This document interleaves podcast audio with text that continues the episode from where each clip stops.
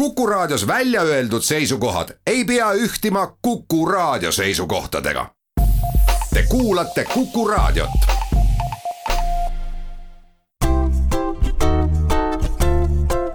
patsiendiminutid,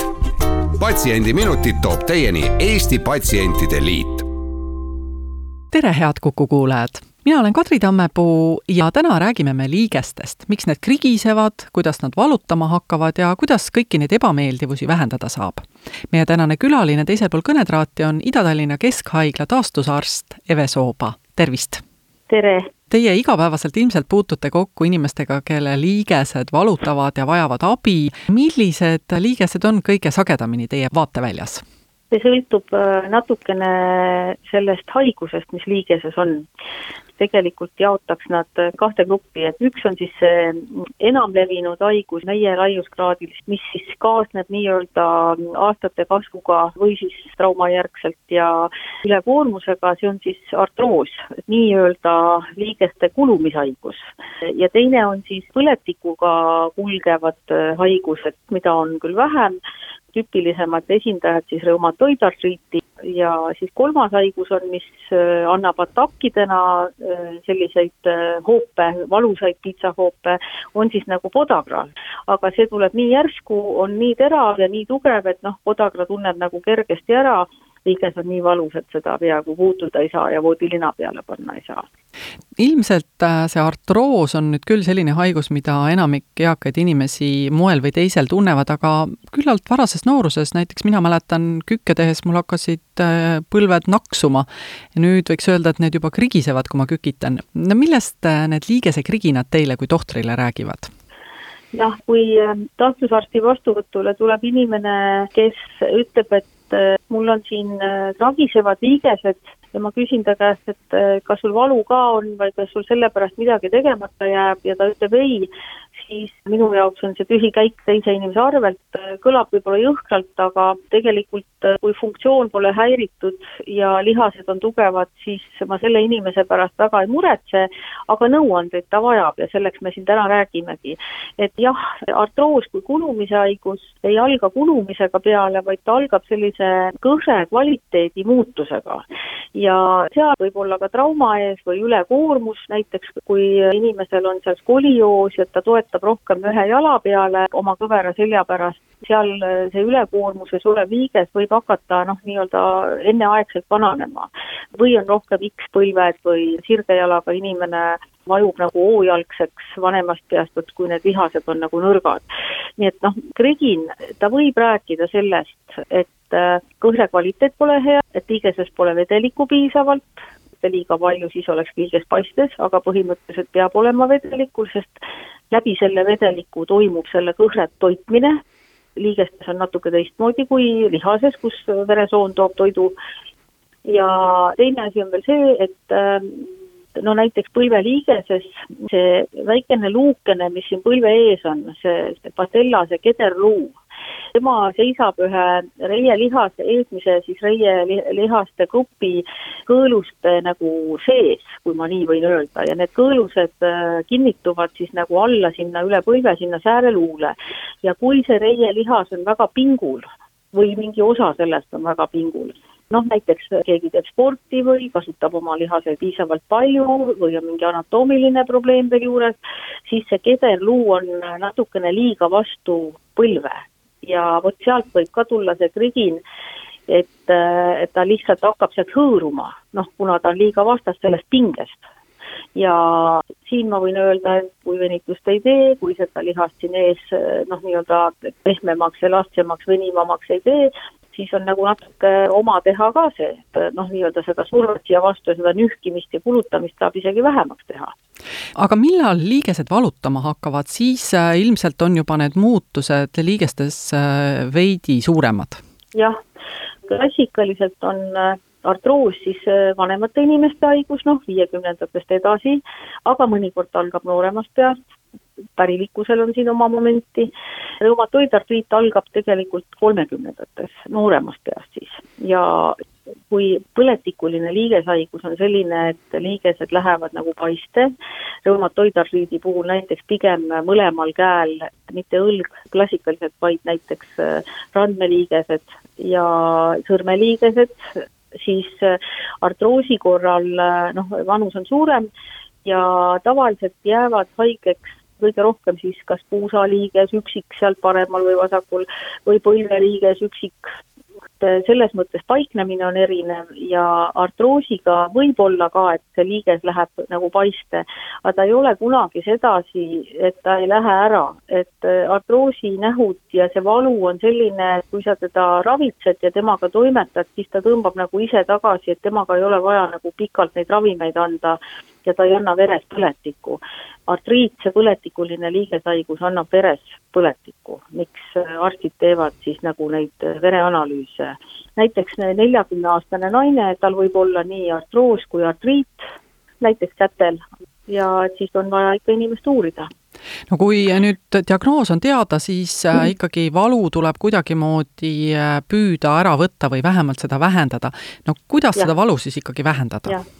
See artroosi valu on ka natuke teistmoodi, et ta alguses ta tekib eh, selle peale, et ta annab nagu tunda, no näiteks käeliigeste puhul võib olla, et need liigesed nagu käedki nagu külmetavad või külmaga hakkavad need liigesed, niiskel ajal paljud haiged ütlevad, et nad nagu, nagu pahab. mingi vale asi on seal liigestes artriidi puhul nad nagu valutavad, nad on hommikul nii kanged, et sa ei saa võtta kohvitassi kätte või pastakaga korralikult kirjutada, et see on nagu erinev ja see ei lähe ära. artroosi puhul sa liigutad natukene veerand tundi ja sul on juba parem. kangus on lühemat aega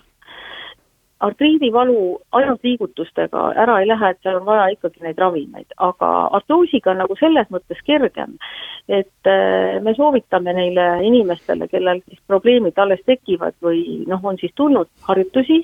harjutused koosnevad siis lihast treenimisest ja liigese liigutamisest ka, kellel on äh, kõõlusad lühikesed, siis venitamistest ja valuravi vastavalt, äh, kui tugev see valu on, vastavalt vajadusele. valuravimed on erinevad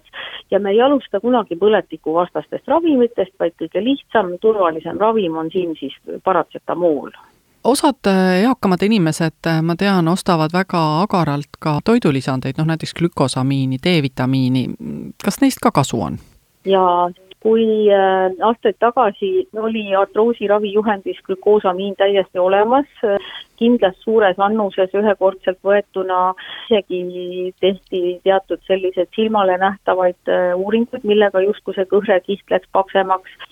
viimased äh, ravijuhised nagu glükoosamiini jällegi sisse artroosiravis ei lülita, nii et noh, selle üle käivad maailmas äh, siiani vaidlused, et kas ta siis on nii palju efektiivne, et seda tasuks inimesele soovitada või ei. Äh, kahju üldiselt ei ole see glükoosamiin teinud, see on selline kõhekomponent, et noh, kas üldist võib seda saada, teatud komponente sealt, mis on glükoosamiini osa. Vastus lahtine, aga ma pean ütlema, et mitmed minu patsiendid, eakamad prouad on küll ka kasutanud ja sellest abi saanud. aga ka peale määrimisest on abi, need valu- ja põletikuvastased kreemikesed, salvikesed, keelikesed, neid saab ka määrida äh, mingil hetkel muidugi enam ei ole kasu ei nendest salvikestest, tabletikestest äh, ega ka liigutamisest, kui valu on ikkagi juba nii tugev, et ei aita muu kui liigesevahetus kas te teate, kui palju Eestis liigeseid äh, ühe aastaga vahetatakse inimestel meil? See on üsna levinud ja normaalne ravivõte artroosi ravis, et kuna artroos siis kulgeb pika aja jooksul süveneb, siis äh, liigesevahetus on üks osa sellest. Ja see on normaalne osa, et kui mõned inimesed väga pelgavad, et oi, kui pole protseduur, siis äh, see on väga normaalne, et kui ükskord on liiges nii haige, et sul on ka öövalud või et sa ikkagi üldse käia ei saa, et juba kasutad karku ja ikkagi on valu ja sa pead võtma kogu aeg rohtu ja see rohi ei ole enam isegi mitte paratsetamool pluss valu, valu ja põletikuvastane aine, vaid see on juba tramadool, selline nõrk opioid no siis on viimane aeg äh, ortopeediga suhe tekitada ja proteese kuskil kolm tuhat opereeritakse äh, Eestis, et ja mitte ainult nüüd ei ole nagu need esimesed liigesproteesid, vaid kuna neid on juba peale kaheksakümnendaid äh, hakatud siis panema, siis nüüd on juba ikkagi palju, me näeme ka selliseid inimesi, kellel on juba teist korda pandud, võetud see vana protees või tema komponent ära ja pandud uus protees või selle osa. teeme siinkohal väikese pausi. Patsiendiminutid. patsiendiminutid toob teieni Eesti Patsientide Liit stuudios on taastusarst Eve Sooba ja Kadri Tammepuu. me räägime täna liigese probleemidest ja jõudsime liigesevahetuseni. mis peale liigesevahetust saama hakkab, kas peaks laskma haavadel rahulikult paraneda või võimalikult ruttu ka liigutama hakata, kuidas need uuemad ravisoovitused ette näevad? juba enne proteesimist on vaja neid taastusravi nõuandeid ütleksin siin veel juures ära, et äh, tegevusterapeut on meil siis selline peenikene tegelane, taastusravis töötav inimene, kes tegeleb ka rohkem kätega ja tegeleb abivahenditega, et noh, reeglina enne operatsiooni oleks vaja selgeks õpetada inimesel karpude kasutamine ja põlve ja puusa artroosi korral ka kõrgemal toolil istumine on kasulik ja võib-olla vanni ei saa inimene, et siis me anname neid kasulikke nõuandeid ja vot seda just eriti tegevusterapeut ka nõustab uuringud ütlevad, et taastusravi enne operatsiooni on kasulik sellepärast, et inimene taastub paremini operatsioonist. aga peale operatsiooni mm, ta vajab kindlasti taastusravi ja sõltub siis sellest, täna on meil tänaval hanged ja lumi ja selline värskelt opereeritud inimene esimese kolme-nelja nädala jooksul vaevalt, et ta üldse saab tulla polikliinikusse, et siis puusaproteesiga ja raskematel juhtudel ka põlveproteesiga mõned inimesed vajavad ravi isegi haiglas, on olemas üle Eesti ju taastusraviosakonnad, ja siis proteesid äh, kuuluvad ka taastusravile nii polikliinikusse kui haiglasse aga võiks nagu etappideks selle proteesimise järgse aja, et see esimene etapp on kuskil äh, neli-kuus nädalat, kus inimene taastub oma haigusest, et kui ta on pikalt haiglas sees seal ortopeedia osakonnas, kui juhtub nii, ja siis ta saab seal osakonnast võib-olla nii palju õpetused kätte, et ta kohe ei vajagi seda ei mingit äh, taastusravi haiglas ega ka kohe polikliinikus, aga ta kindlasti vajab taastusravi peale operatsiooni ja noh, kui ta on selline haigem, nõrgem, mingid probleemid veel juures, kaasuvad haigused, siis ikkagi me soovitame pigem haiglas seda ravi, samuti siis, kui tema põlv ei paindu või kui ta ei ole kõndimist ära õppinud seal ortopeedia osakonnas, alguses kõnnib seal karkudega ja lihased on veel nõrgad ja aga teises etapis, kui me tahame teda veel tugevamaks mõjuda, nii-öelda nagu ellu lasta, et siis veel üks ring, tugevamad harjutused oleksid nagu polikliinikus füsioterapeudi poolt õpetatud, et ehk siis nagu, nagu kaks astet võiks olla sellel operatsioonijärgsel taastusravil. võib-olla see teine aste, kui on perearsti tubli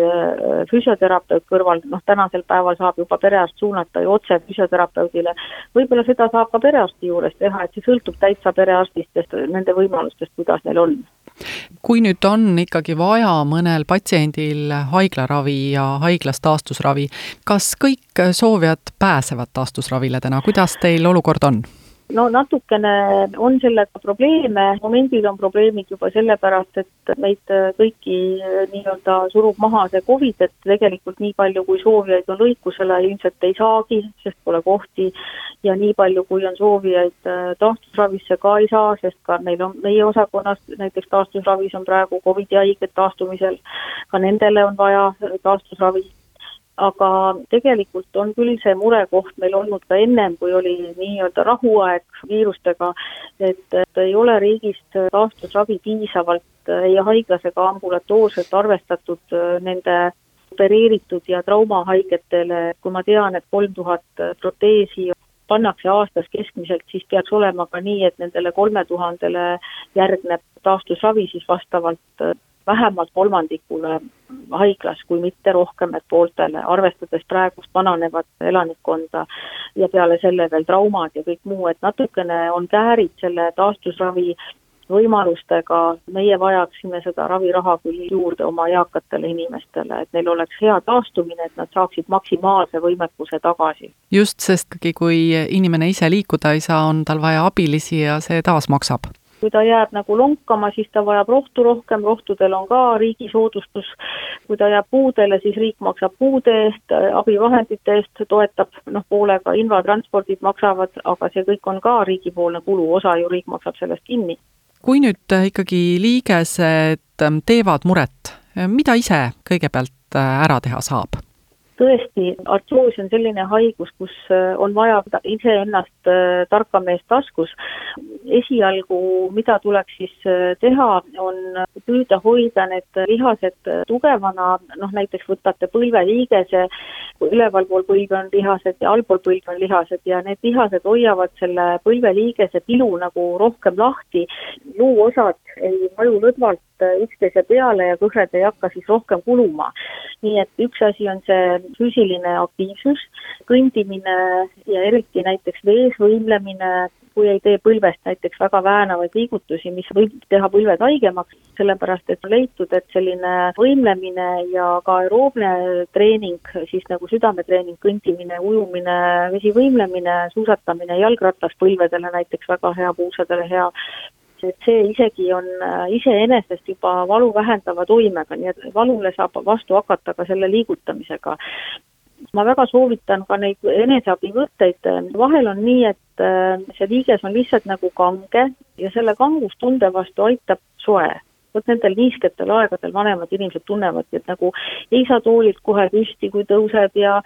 eriti madalalt toolilt on raske tõusta, siis ongi kõrgemad toolid paremad, aga nagu kange on. Ja siis nagu need vanasti olid need soojaveekotid ja elektrikotid, aga sellised soojamähised, et noh, isegi mõni teab, need soojendavad kreemid kuni tiprasalvideni välja, millest üks on isegi retseptiga ja sellise soojendatud liigesega on liigutamine parem, harjutusi parem teha ja ka valu väheneb, et kui nüüd on selline asi, et liiges on vihastanud nii-öelda, mõnikord ka põlveliiges on küll artroos, aga läheb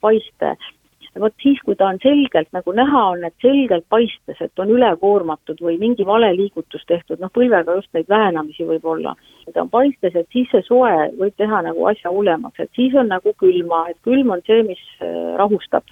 ja võtab selle paistetuse nagu ära, et sellel ajal soe ei sobi. et valdavalt soe, noh, te teate, sanatooriumites on need parafiinid ja polikliinikutes ka ja muda,